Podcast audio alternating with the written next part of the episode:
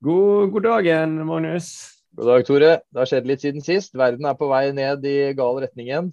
I gal retning? Ja, ja du tenker selvfølgelig på korona, du. At ting skal stenge ned. Jeg gjør det.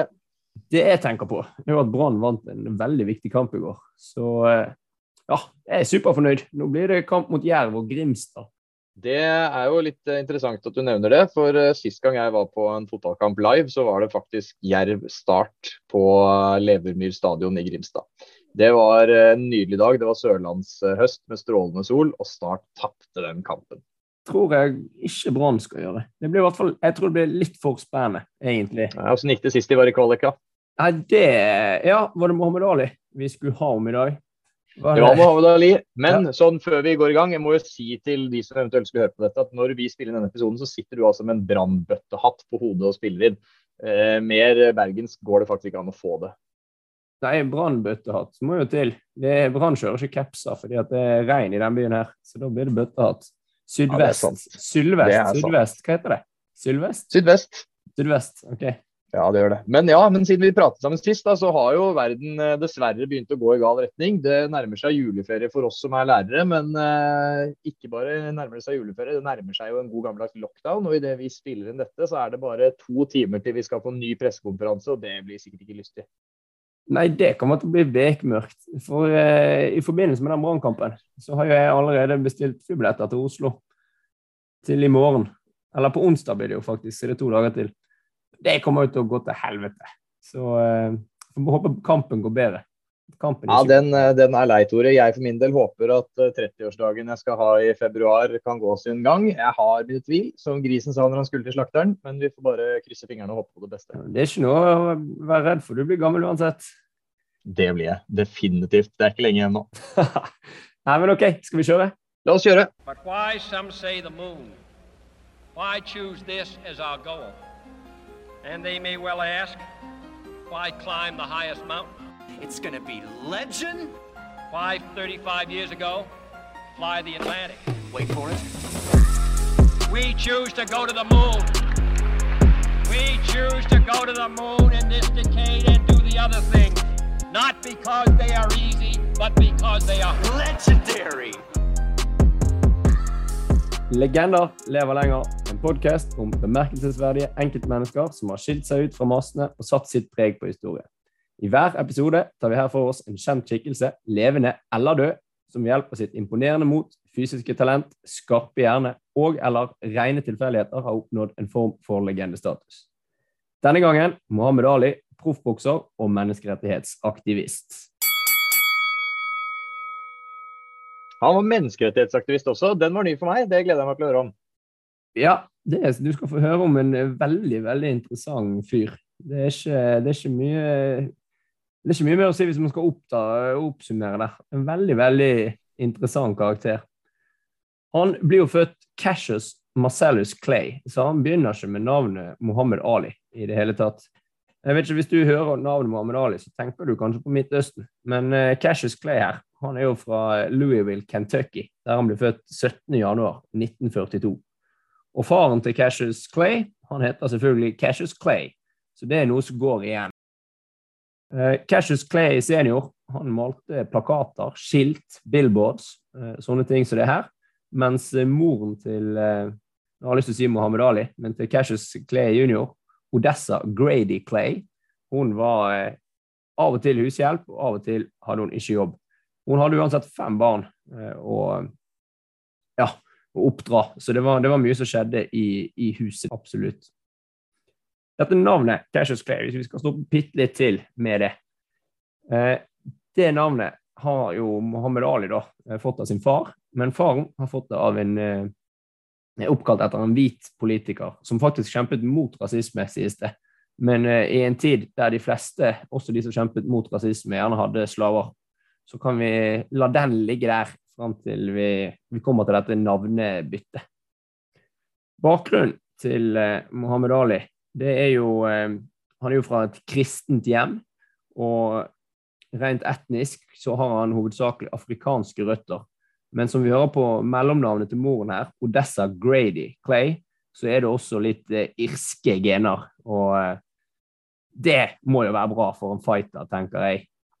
Altså, Umiddelbart så tenker man jo på en rødmusset kar, kanskje med en eh, rød bart i tillegg, som er fryktelig god med nevene her.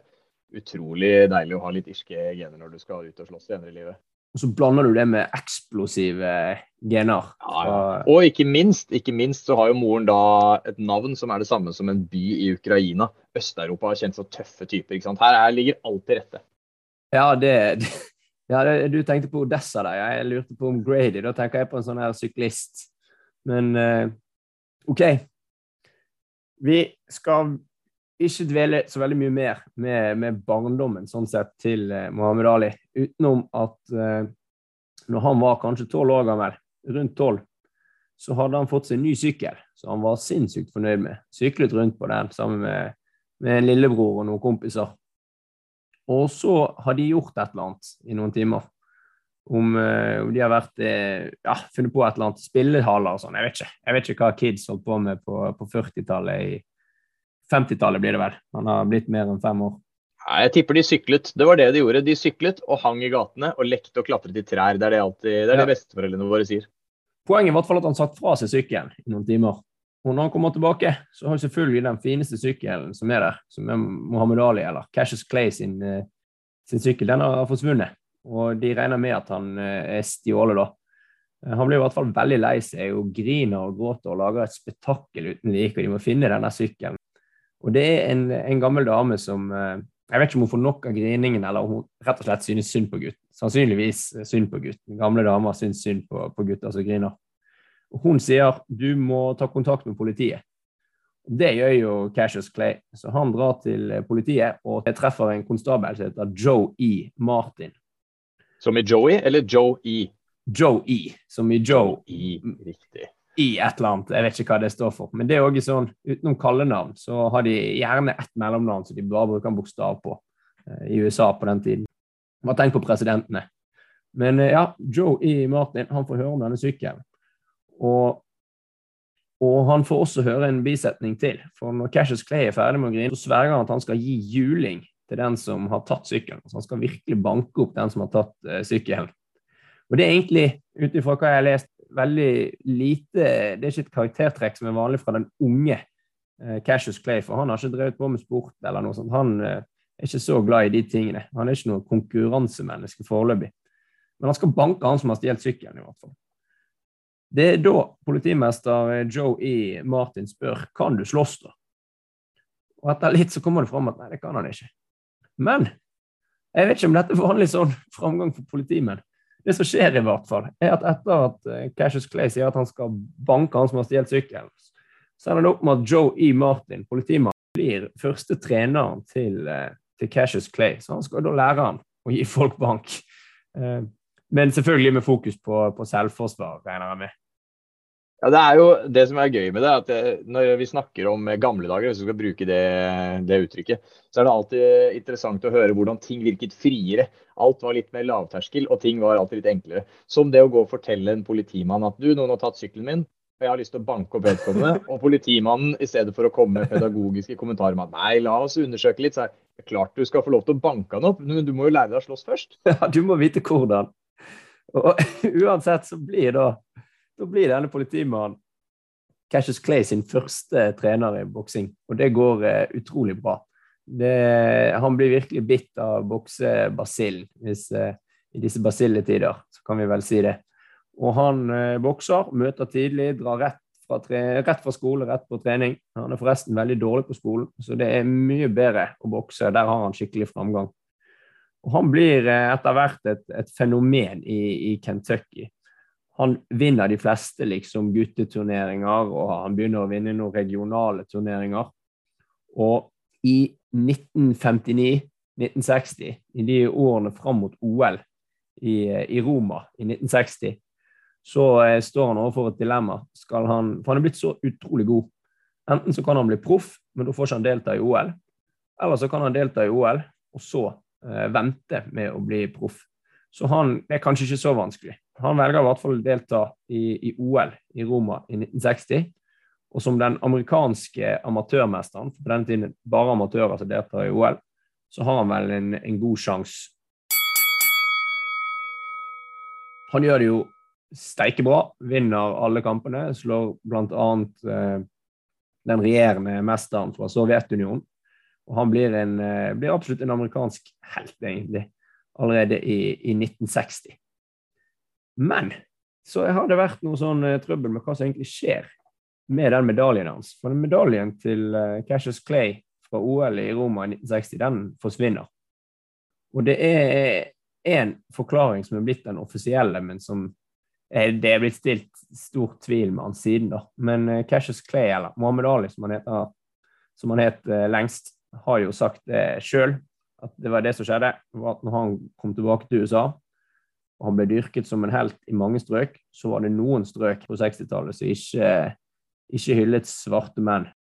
Og han og en kompis var inne i en restaurant og fikk eh, Ja, de fikk rett og slett ikke bestille mat fordi at de var svarte. Og denne historien det er det ikke noe tvil om. At han ble diskriminert pga. hudfarge, det vet alle.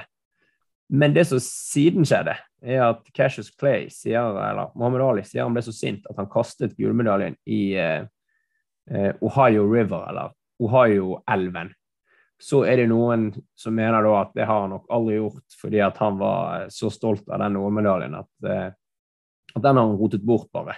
Det er kompisene hans som sier det. Men ja, det er litt vanskelig å vite.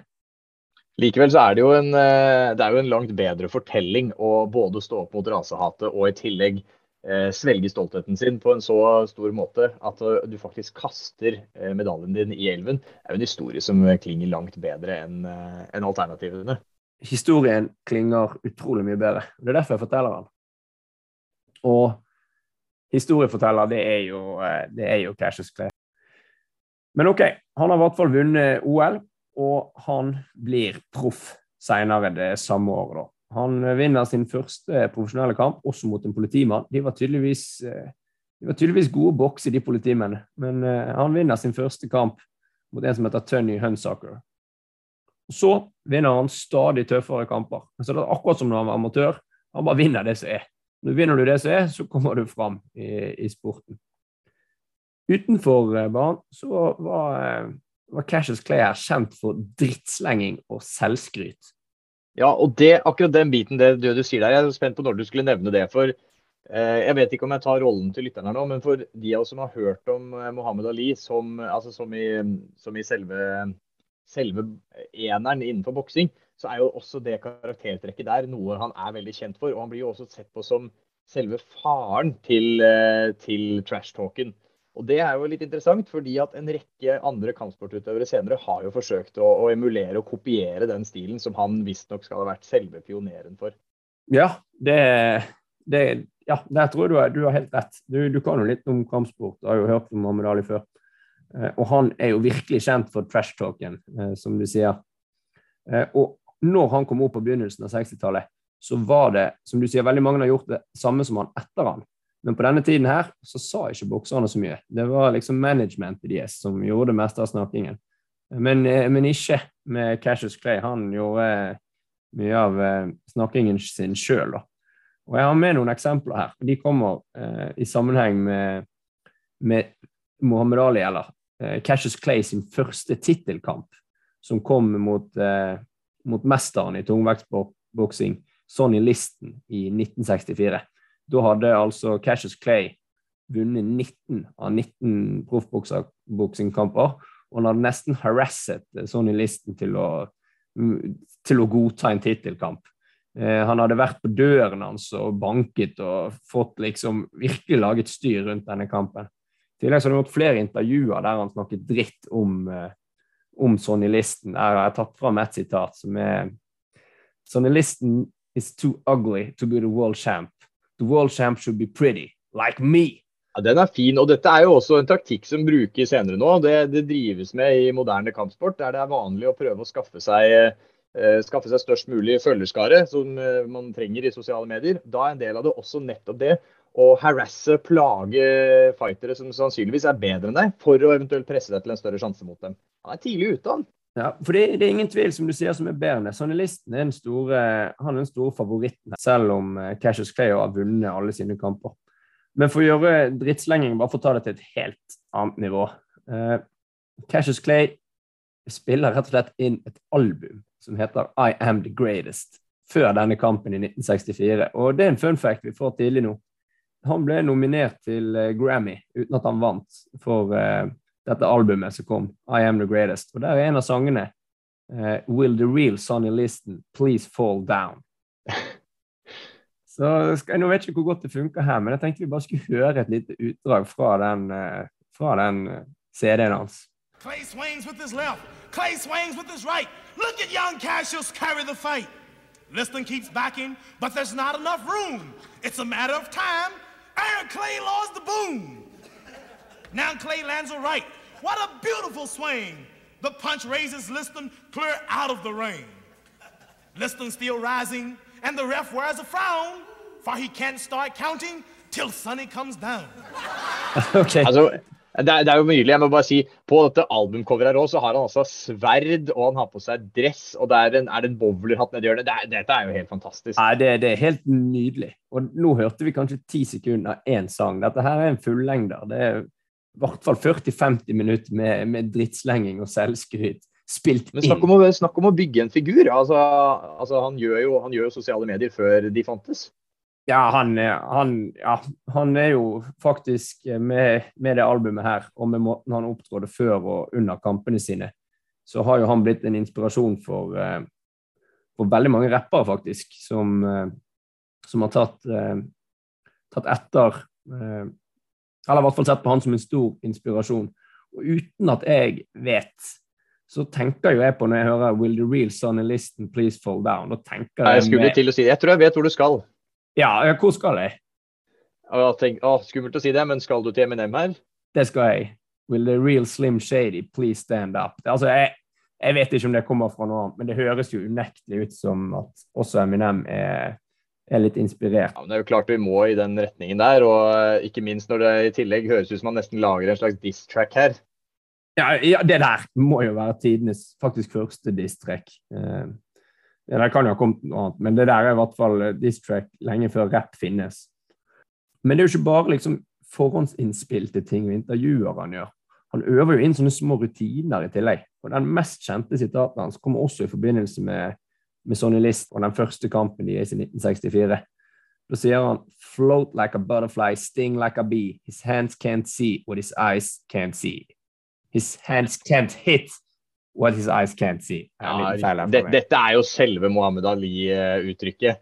Det er jo quote nummer én. Det er det. Men skal vi komme litt til selve tittelkampen? Eh, nå skal ikke jeg ta liksom det voldsomt boksetekniske her, men eh, det har vært masse snakk om mulig juks med et blinde stoff. Fordi at eh, Cassius Clay han eh, ser veldig lite i løpet av kampen. Og det hevdes fra, onde tunger, eller hva man skal si, at Sonny Listen mot flere motstandere har brukt et, eh, et blindende stoff eh, mot motstanderne. For det er flere andre enn Cassius Clay som også opplever dette her.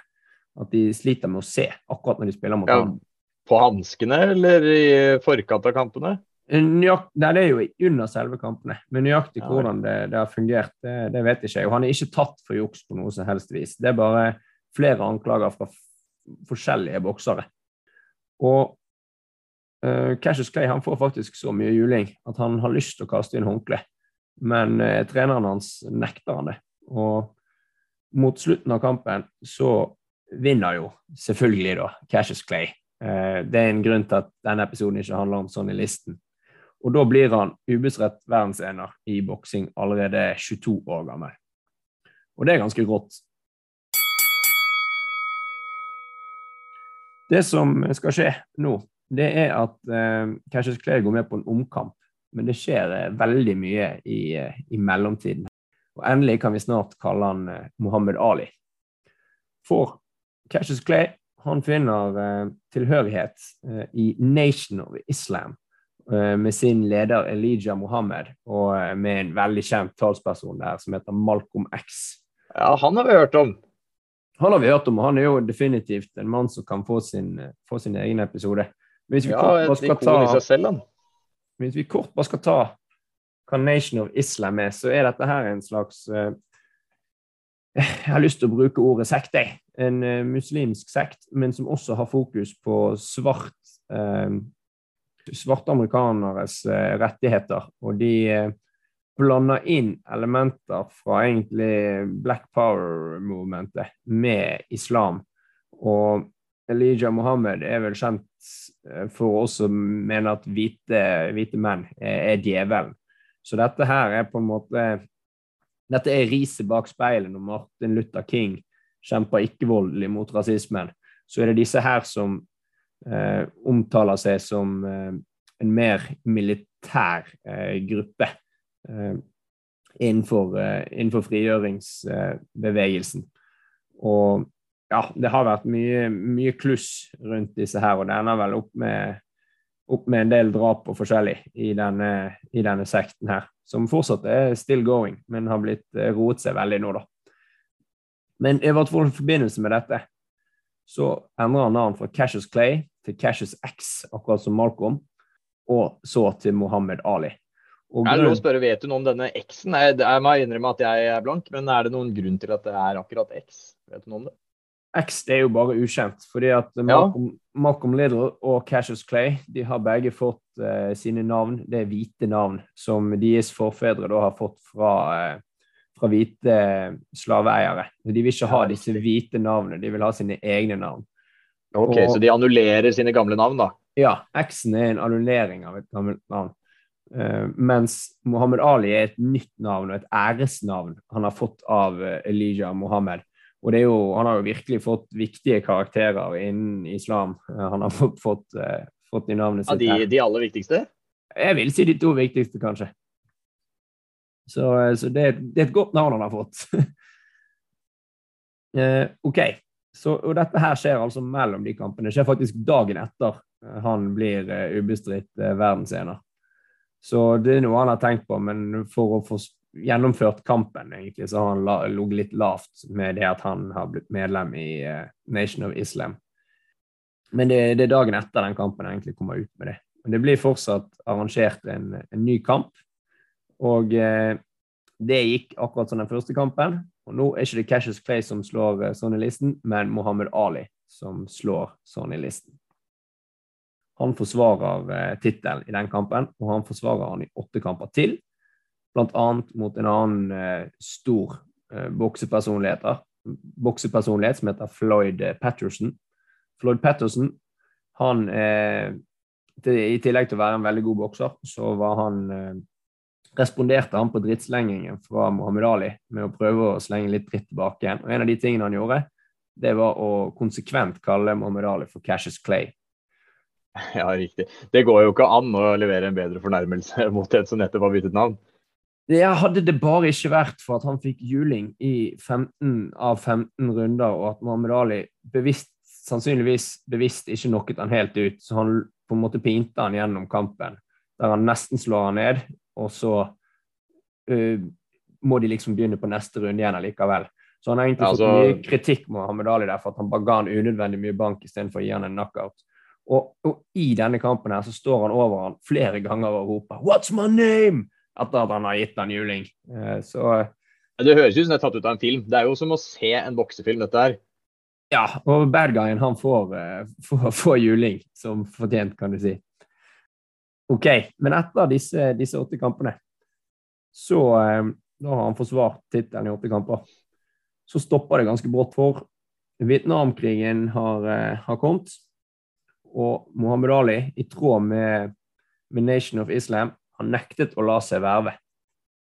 Dette kommer jo av at eh, disse medlemmene av Nation of Islam de har jo ikke noe problem med vietnamesere. De har jo et problem med, med vestlig imperialistmakten i USA. De har jo sin egen kamp egentlig mot myndighetene i USA. Så her eh, har ikke han noen planer om, eh, om å verve seg og dra til Vietnam og slåss. Og det blir offentlig debatt. Det blir også rettslig etterspill for, fra dette her. Men Mohammed Ali er faktisk en av de virkelig tidligste på en måte, hva skal man si, stjernene eller personligheten i USA til å gå ut mot Vietnamkrigen. OK, litt offentlig debatt, det, det tar ikke mange, så mange store skader av. Men det som skjer, det er at Bokseforbundet tar fra han alle titlene hans. Han står plutselig ribbet igjen med ingenting. Til tross for at han, han straff, har han straffes altså for krigsnekten sin ved at de tar fra ham de sportslige merittene. Ja, alle sportslige meritter, nei, meritter blir eh, strippet fra han, eh, til tross for at han aldri har tapt en boksekamp i sitt liv. Og For å gjøre det hele enda mye verre, det er at han blir bok nektet bokselisensen i hver eneste amerikanske delstat. Ok, så tenker Mohammed Ali.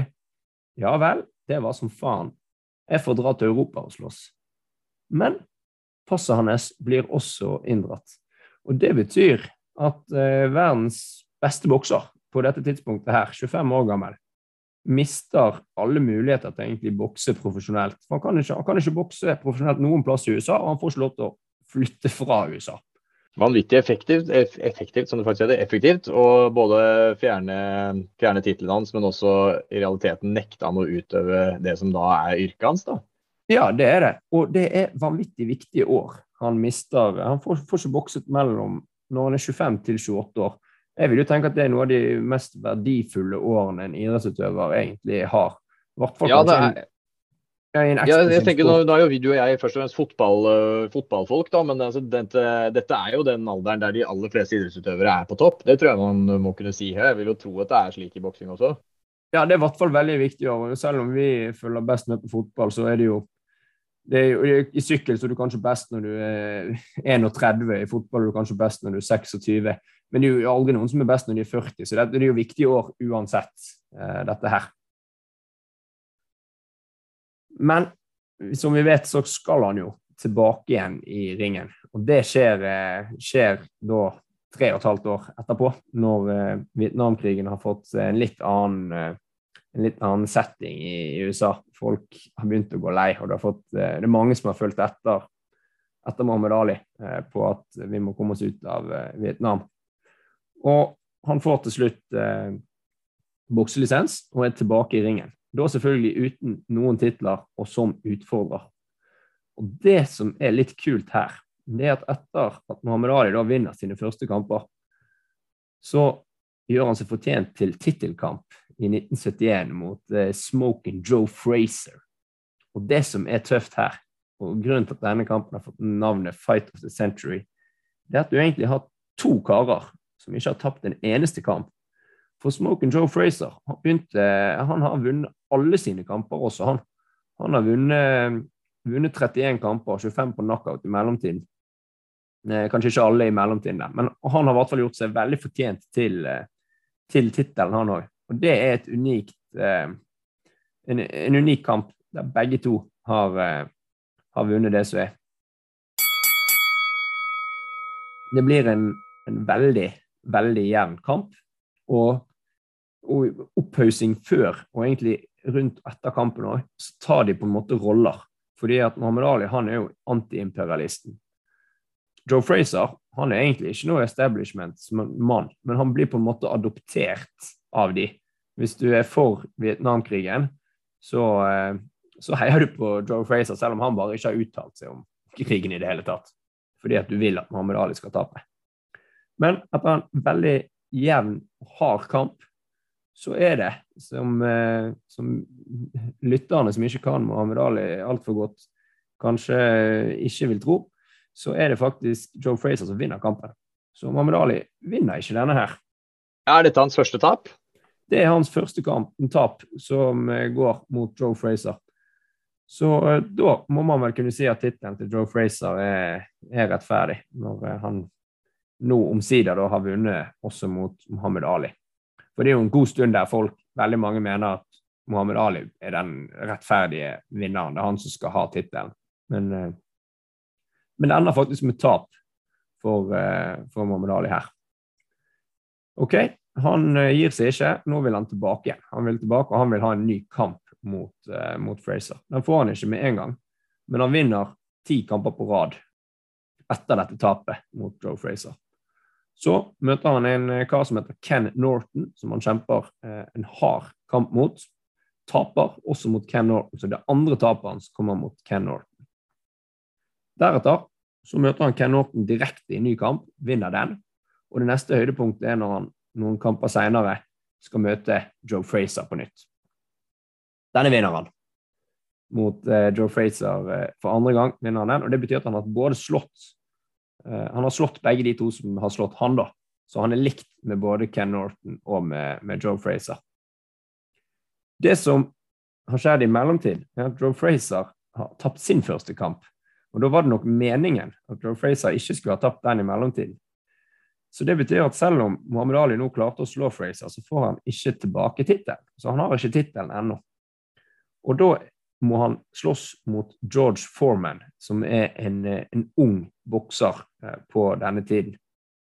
Og dette blir den store tittelkampen. Ja, for dette er vel også en av de aller mest kjente kampene Mohammed Ali har gått. I hvert fall for meg som er en helt vanlig mainstream eh, kampsportfølger, så er jo dette en av de kampene som har fått et av disse navnene, er det ikke det?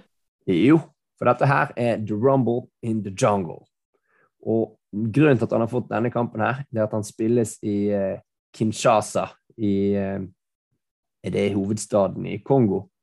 Ja, det er vel Zaire på den tiden her, men uh, i dag er det vel Den demokratiske republikken Kongo. Ja, du, du kan dobbeltsjekke det hvis, hvis du vil. Uh, Nei, det er ganske jeg, jeg, sier det først og fremst fordi at her er jeg ganske sikker, og der er hovedstaden Kinshasa. OK. Ja, da er det vel i Zaire, da. Uh, Zaire, var det du sa?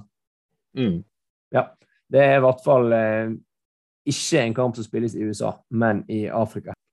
Og Mohammed Ali, som eh, er anti-imperialisten, han er på en måte afrikanernes mann i denne kampen. Selv om både han og George Foreman da er afroamerikanere, så er det in the jungle nede i, nede eh, Kongo. Så er, det, så er det han som eh, har publikum med seg.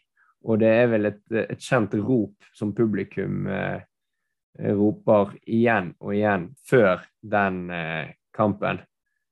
Og det er Ali Bomaye, som betyr 'kill him', Ali. At skal, nå skal du drepe han, rett og slett. Oi, han, oi, oi. Han, han, dreper jo ikke George Foreman, som eh, på det tidspunktet er regnet som en, eh, som en større bokser igjen enn Mohammed Ali. For der nå både Fraser og Ali har tapt sine første kamper, så er det Foreman som er han fremste som ikke har tapt eh, noen ting eh, når han møter Ali i, eh, i, i, Kongo. Det Mohammed Ali gjør når han slår, slåss denne kampen her som ingen tror han egentlig skal kunne vinne, det er at han eh, benytter en teknikk som har fått navnet rope-a-dope. Og Det betyr at han, eh, han går inn til, eh, til hjørnet i, i fighteringen, i bokseringen og så står han med den ene stolpen, og så lar han rett og slett på en måte, Han tar imot slagene, og så bruker han tauet til å, til å få litt av effekten av de slagene, på en måte, at de går ut i tauene og ikke bare i hans kropp. Og på den måten her, I tillegg til at han da selvfølgelig bøyer seg ned og snur seg rundt og bruker farten sin, så sliter han ut George Foreman, som egentlig er kjent for at han skal ha en sterkere, sterkere knyttneve enn uh, Ali. Og mot slutten av kampen så er det Ali som har mest krefter, og han klarer å, klarer å bekjempe George Foreman. Det er jo i seg selv en interessant taktikk, for uh, ingen av oss er boksere. Men hadde jeg vært bokser, så hadde det vært vanskelig for meg å skulle vært en person som bevisst tok imot juling for å skulle slite ut motstanderen. Det høres ut som en smertefull uh, vei til uh, seieren for Mohammed Ali her. Ja, det, vet du hva, det, det, det høres helt jævlig ut. Men, ja, det høres grusomt ut, rett og slett. Når jeg leste om denne kampen, her, så sto det at uh, Mohammed Ali hadde øvd på å få juling. Så han hadde vært med sparingspartnerne sine. Så han øvd på hvordan han skal ta imot slag. For han vet at, han vet at George Foreman på det tidspunktet her er den som slår hardest, og eh, egentlig kanskje den sterkeste bokseren i, i gamet, utenom da tydeligvis han sjøl. Jo, det er jo en del av gamet òg, selvfølgelig det å ta imot juling. Og selvfølgelig er det jo ikke for uh, hvem som helst å ha, drive en idrett der, uh, der, poenget er å skade motstanderen mest mulig, samtidig som du begrenser dine egne skader. Uh, men samtidig, det baserer seg jo på at du skal bli slått, og du skal slå tilbake. Men da å bevisst ta ned garden for å bli truffet, interessant taktikk. Ja, Ta ned garden og garden. Altså, han, han prøver jo ikke å bli truffet unødvendig mye. Men uansett, poenget hans er jo egentlig bare å slite ut George Foreman. At han skal slå og slå og slå uten at eh, Ali faller ned. For George Foreman har pleid å bare kjøre knockout på folk i de tidlige rundene. Runde to og tre og fire. Så når Ali kan, eh, kan slite han ut og begynne å bevege seg i de i siste rundene, så har plutselig George Foreman uh, røket på kondisen. Seiersrekken den fortsetter, og Ali han uh, skal kjempe sin egentlig sammen med Fight of the Century og Rumble in the Jungle, den tredje liksom, store kampen med eget navn, The Thriller in Manila. Og den er mot, eh, mot Joe Fraser igjen. For nå er de likt 1-1 i kamper. Og denne kampen den spilles jo da i Manila i eh, Filippinene. Og er kanskje den eh, mest sette Jeg tror det er den mest sette boksekampen i, eh, i, i hvert fall på det tidspunktet. Det tror også The Rumble in the Jungle og uh, Fight of the Century. Jeg tror alle de tre kampene her er på sitt tidspunkt den mest sette boksekampen. Du får uh, virkelig valuta for pengene med Ali og Fraser. og Jeg mener de spiller ut 15 uh, De spiller alle 15 rundene uten at noen av de har uh, Ja, uten at noen av de må gi seg. Ja, du er nok en av de få i verden Tore, som kaller det å bokse for å spille. du skal få en liten, få en liten innføring i boksing her fra en som ikke kan boksing, og det er at det er å gå. Å gå alle rundene. De gikk alle 15 rundene eh, og ga hverandre juling. Og ja, du, du, hører at det er fotball jeg kan, og ikke, ikke boksing. ja, vi tillater den. Det kan godt hende at jeg kommer til å få kritikk for å si at man går rundene. Det kan godt hende at det er noe folk som ikke har peiling på boksing også sier, men det høres unektelig bedre ut enn å spille boksing. Nei, det høres, det høres, ut som du har helt rett. Eh, og hvis det heter 'gå runder' i MMA, så heter det nok å gå runder i, i bokseringen òg. Ali vinner i hvert fall denne kampen til Frazier, men det mot Frazier, og da er det da på, på, på, en måte, på poeng gjennom, uh, gjennom, hele kampen. Og da har han slått Frazier to ganger og bare tapt én gang, så han mener han har på en måte gjort opp for det tapet. Og han vil da gjøre opp eh, for at han står bare 1-1 med, med Norton også. Og det er en veldig kontroversiell kamp mot Ken Norton det er ikke en like stor ramme rundt denne som, mot, eh, som tittelkampen mot Foreman eller disse kampene mot Fraser, som er på en måte litt politiske i tillegg. Men det som skjer her, er at denne kampen òg er utrolig jevn, og ingen som egentlig gir seg. De går alle rundene. Ken Norton og, og Mohammed Ali også. Grunnen til at denne er blitt så kontroversiell, det er at Mohammed Ali òg mener at han egentlig ja, han trodde sjøl han hadde tapt kampen mot eh, Norton. Og all statistikk på antall slag eh, skulle tilsi at Norton egentlig vant kampen. Men dommerne gir han til, eh, til Mohammed Ali.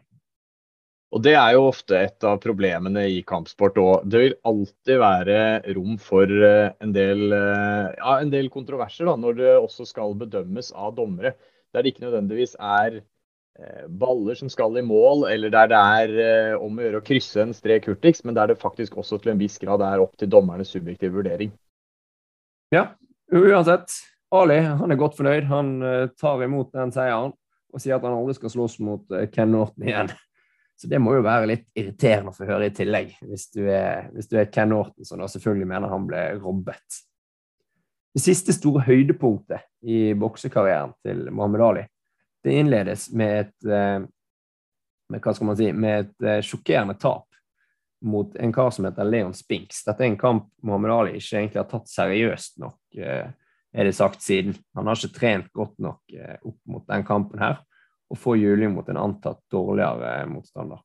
Du kan ikke tape mot en som heter Leon Spinks. Det navnet kan man jo ikke ta seriøst. Det tenker jo Mohammed Ali òg. Så han eh, arrangerer selvfølgelig en ny kamp mot Spinks og siden han hadde tapt tittelen sin til Leon Spinks, da, så vinner han selvfølgelig tittelen sin tilbake igjen. Så den tredje, eh, tredje gangen han vinner tittelen. Jeg vil jo si at det er litt sånn her, ja, OK. Det er ikke det samme som de første to gangene han har vunnet tittelen, men nå har han i hvert fall tittelen for tredje gang, og det òg mener jeg eh, er historisk. Eh, sånn sett så burde han jo bare tapt annenhver kamp, sånn at han kunne vinne tittelen tilbake igjen. Men eh, det er vel ikke helt Det er ikke noen dum taktikk, det der, altså. Det som da skjer, er at proffkarrieren egentlig eh, tilter ut. Det siste han hadde, var den kampen mot eh, Leon Spinks. Han vinner den, og så legger han opp. Han kommer allikevel tilbake i to kamper som har fått, eh, fått navn, og det er fordi at dette her er mer dette er mediekamper i, i nesten større grad enn det er det er store bokseoppgjør på samme måte som de tre første har fått navn. Dette er jo The Last Hooray mot eh, Larry Holmes, som faktisk blir en veldig, veldig dyktig bokser. Larry Holmes, eh, absolutt. Men eh, den vinner Larry Holmes og Jim Mohammed Ali, som nå nærmer seg 40, eh, ryker på sin første knockout. Han blir eh, ja, slått ut, så han må gi seg. Og så møter han eh, Trevor Burbick i Drama in Bahama, som selvfølgelig er i Bahamas da. Og Burbick er en, sett på som en enda dårligere fighter enn både Spinks og Holmes. Og det, det er når han får juling av også Burbick at, eh, at Muhammad Ali gir seg eh, for godt eh, med boksing. Det som er litt morsomt med Larry Holmes og Trevor Burbick de to siste kampene, her, det er at det er de to eneste i historien som har spilt, mot, spilt mot, godt mot både Muhammad Ali og mot Mike Tyson. Begge disse gutta de taper mot uh, Mike Tyson, men det er de eneste to som har uh, Eller to av de få som har slått da, Muhammad Ali. Så det er ingen som har slått både Muhammad Ali og Mike Tyson. Ja, Disse har i hvert fall historier å fortelle til barnebarna sine, da, hva legendekamper angår. Ja, når du sier det på den måten, så uh, det kan de absolutt. Og det som er litt morsomt her òg, det er jo at en liten, liten gutt som heter Mike Tyson, faktisk ser denne kampen mot eh, Larry Holmes og sverger at han skal, skal slå Larry Holmes når han blir, eh, blir, voksen. Og når Mike Tyson da møter, eh, møter Larry Holmes i ringen senere, så får han, får han snakket selvfølgelig med Muhammad Ali før kampen, og da sier Ali at du må gjøre det du lovte. Det klarer jo Mike Tyson. Jeg skal ikke snakke så veldig mye om privatlivet til Muhammad Ali, men jeg synes det, det, må nevnes at han har fire koner og ni barn. Det er, han er litt utro innimellom, og det, det er mye styr.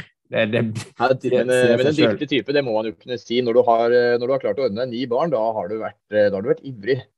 Det har du absolutt. Han går også videre til vanlig eh, sunni-islam, så han forsvinner liksom vekk fra Nation of Islam på sine, på sine eldre dager. Og bare mens vi snakker om fire koner her, så var de var ikke samtidig, hvis noen måtte lure på det.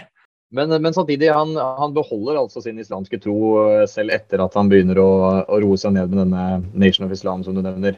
Det gjør han, det gjør han. Men han blir mye mer sånn åpen. Han mener også at både kristne og jøder skal kunne komme til himmelen. Og, eh, og Gud eh, Ja, han har på en måte en større, større mindre liksom utelukkende tro enn når han Ja, altså han, han, blir mer moderat med årene? Ja, blir mye mer moderat.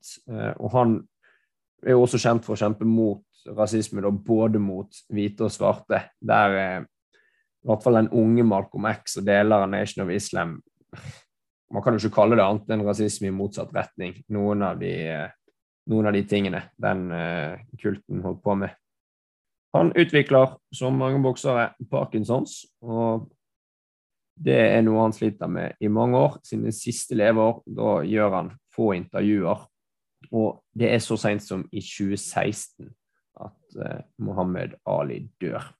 Kistebærerne det er da flere boksere og kjendiser. Så både Mark Tyson, men også Will Smith, som spiller eh, Mohammed Ali i, i spillefilmen, Hollywood-filmen om Mohammed Ali, er kistebærere.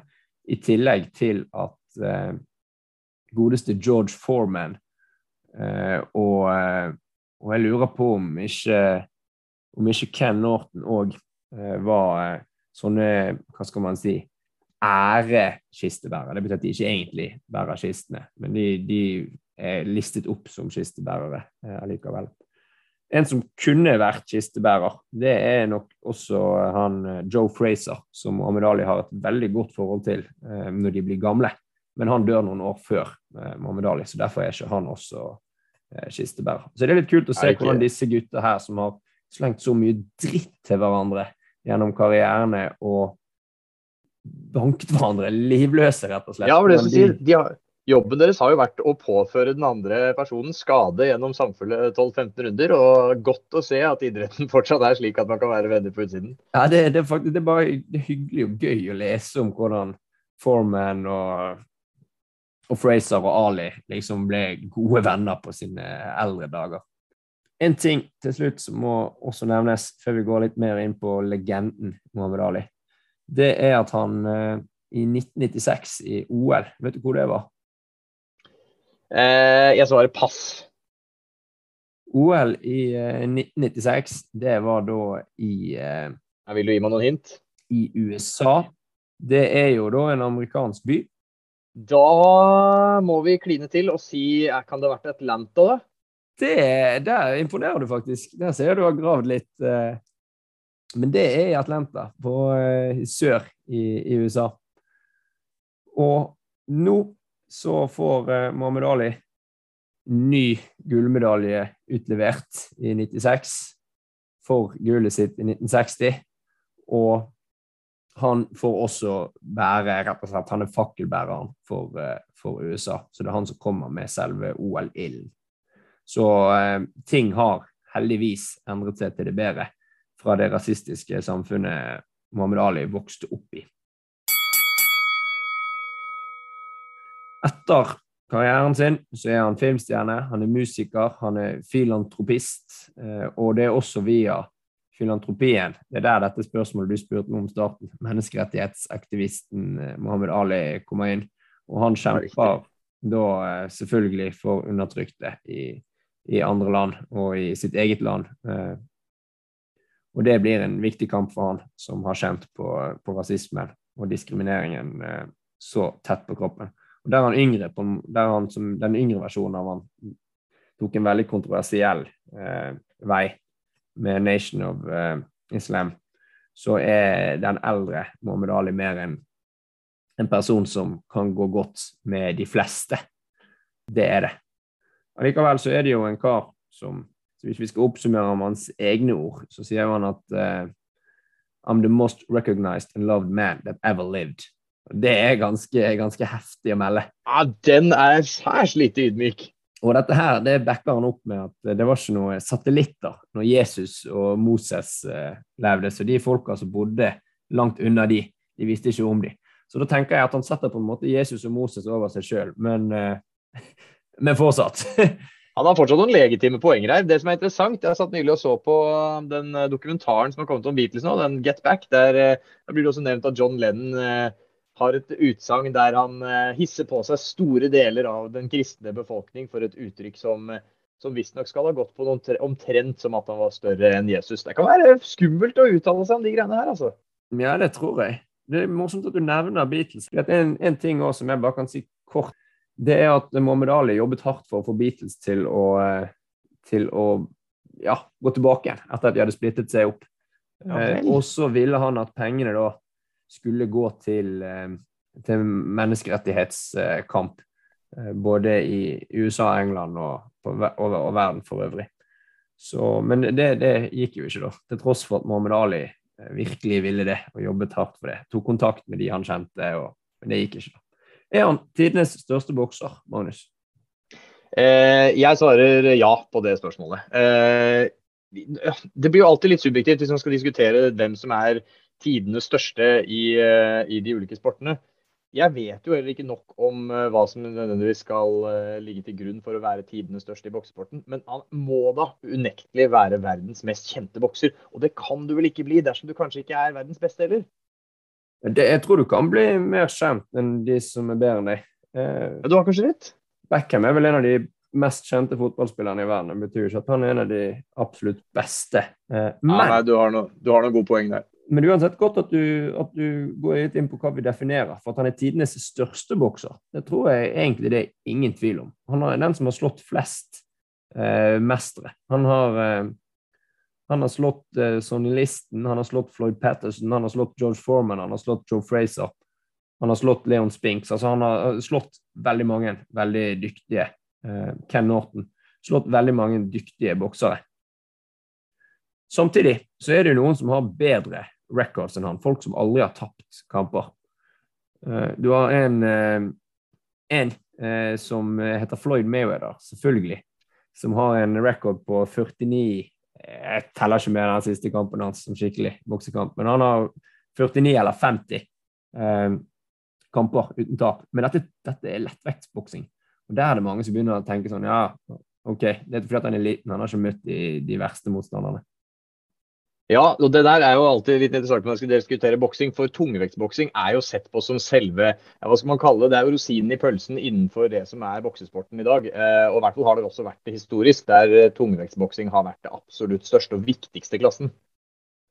Absolutt. Absolutt. Og, og derfor så blir det ofte eh, satt noen spørsmålstegn rundt, eh, rundt Floyd Mayweather. Men ut ifra hva jeg tror, så er egentlig Floyd Mayweather kan ikke gjøre noe annet enn å vinne alle sine kamper, og han har ikke hatt noen problemer med det.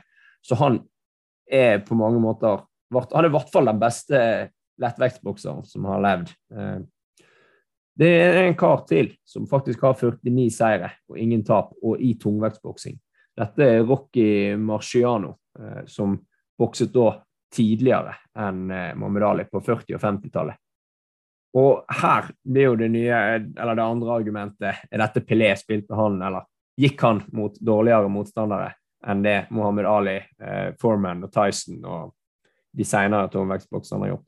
Så det blir jo vanskelig. Jeg tror vi skal overlate dette her til folk som er hva som er beste bokseren gjennom tidene. Tror vi må overlate til de som kan boksing. Men at Mohammed Ali er den største bokseren gjennom tidene, det tror vi kan være helt enige om. Det er jeg helt enig med deg i. Uh, og i den anledning så har jo vi pleid å ha en liten uh, uformell topp tre, eller en bunn tre i enkelte tilfeller, på slutten av episodene. Hva tenker du, Tore? Er det på tide å ta den?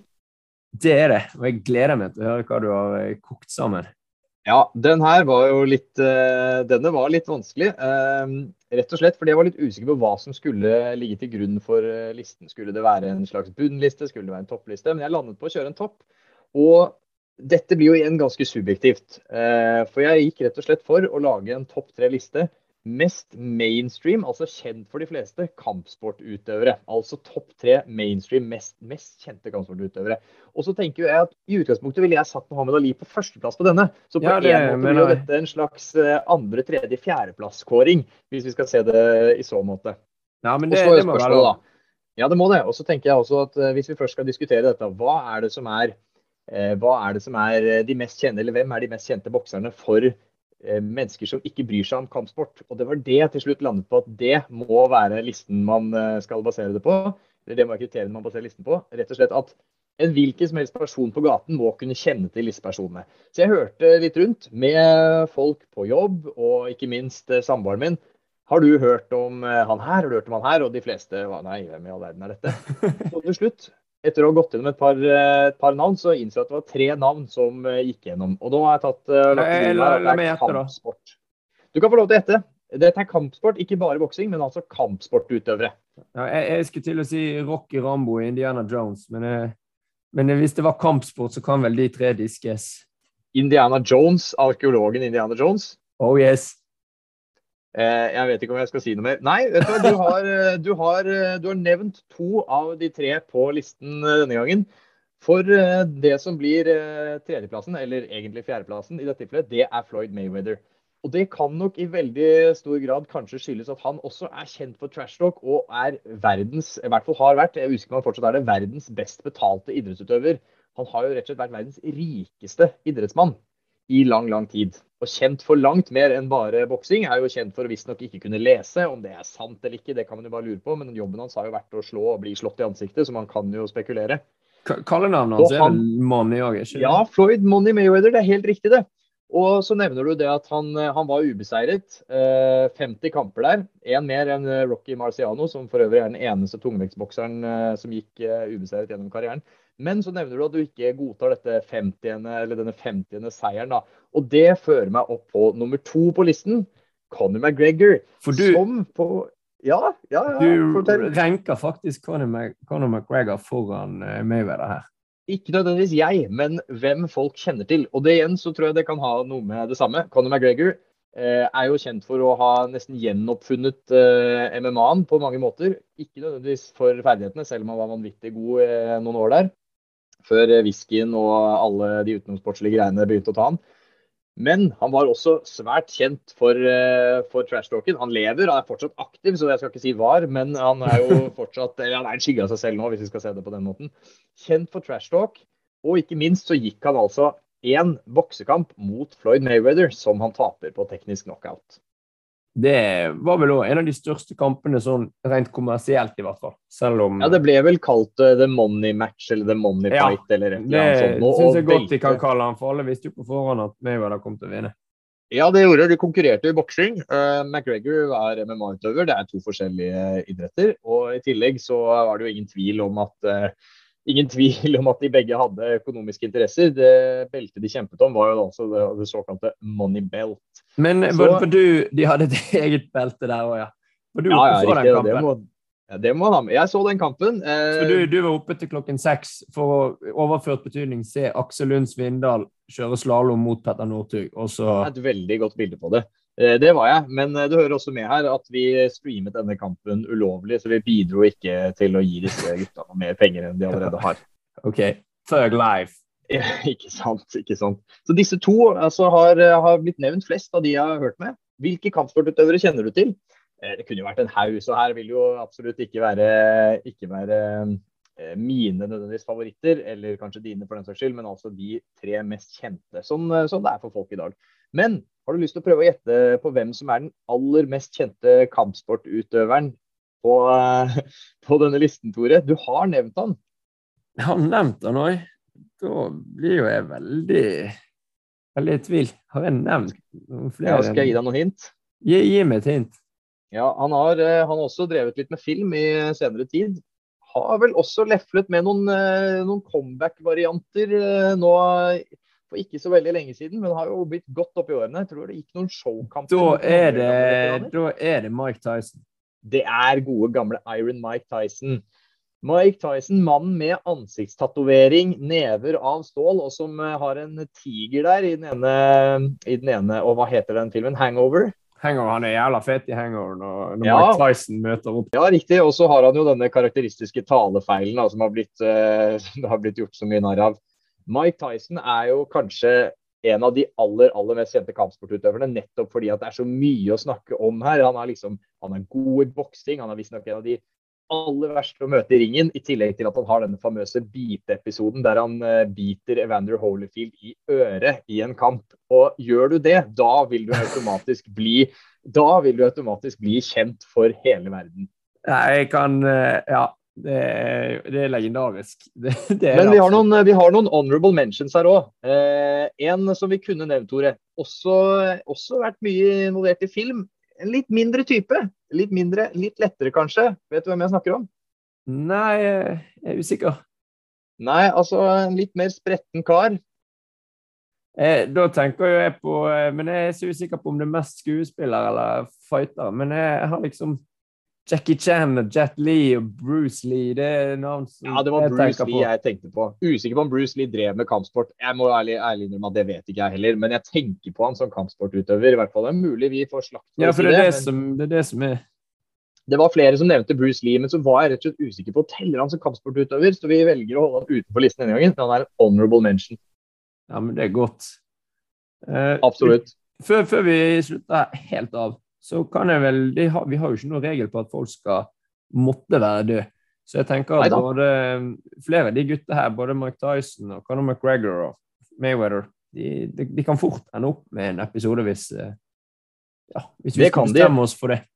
Et eneste argument mot må være at de fremdeles er såpass unge og gjør såpass mye rart fortsatt at vi risikerer å gå glipp av en, hod, altså en god del snacks til en episode dersom vi tar dem nå. Men det får vi se på i fremtiden. Jeg tror vi har noen eh, bra navn på listen i kommende episoder også. Ja, er det noe du tenker på, eller skal vi spare det til neste Jeg, vi, kan vel, vi kan hinte litt. Jeg tenker at vi skal til Ja, musikkens verden. Gi de et hint, bare, uten å si Ja, noe Ja, si, vi, vi skal til musikkens verden, og Nei, Jeg, jeg tenker vi skal til Sri Lanka Nei. veldig usikker på hvor du vil hen. Men uh, vi får la den ligge, tror jeg. Vi gjør det. OK. Takk for denne gang. Tore. Takk for nå. Sri Lanka? Hva mente du med det?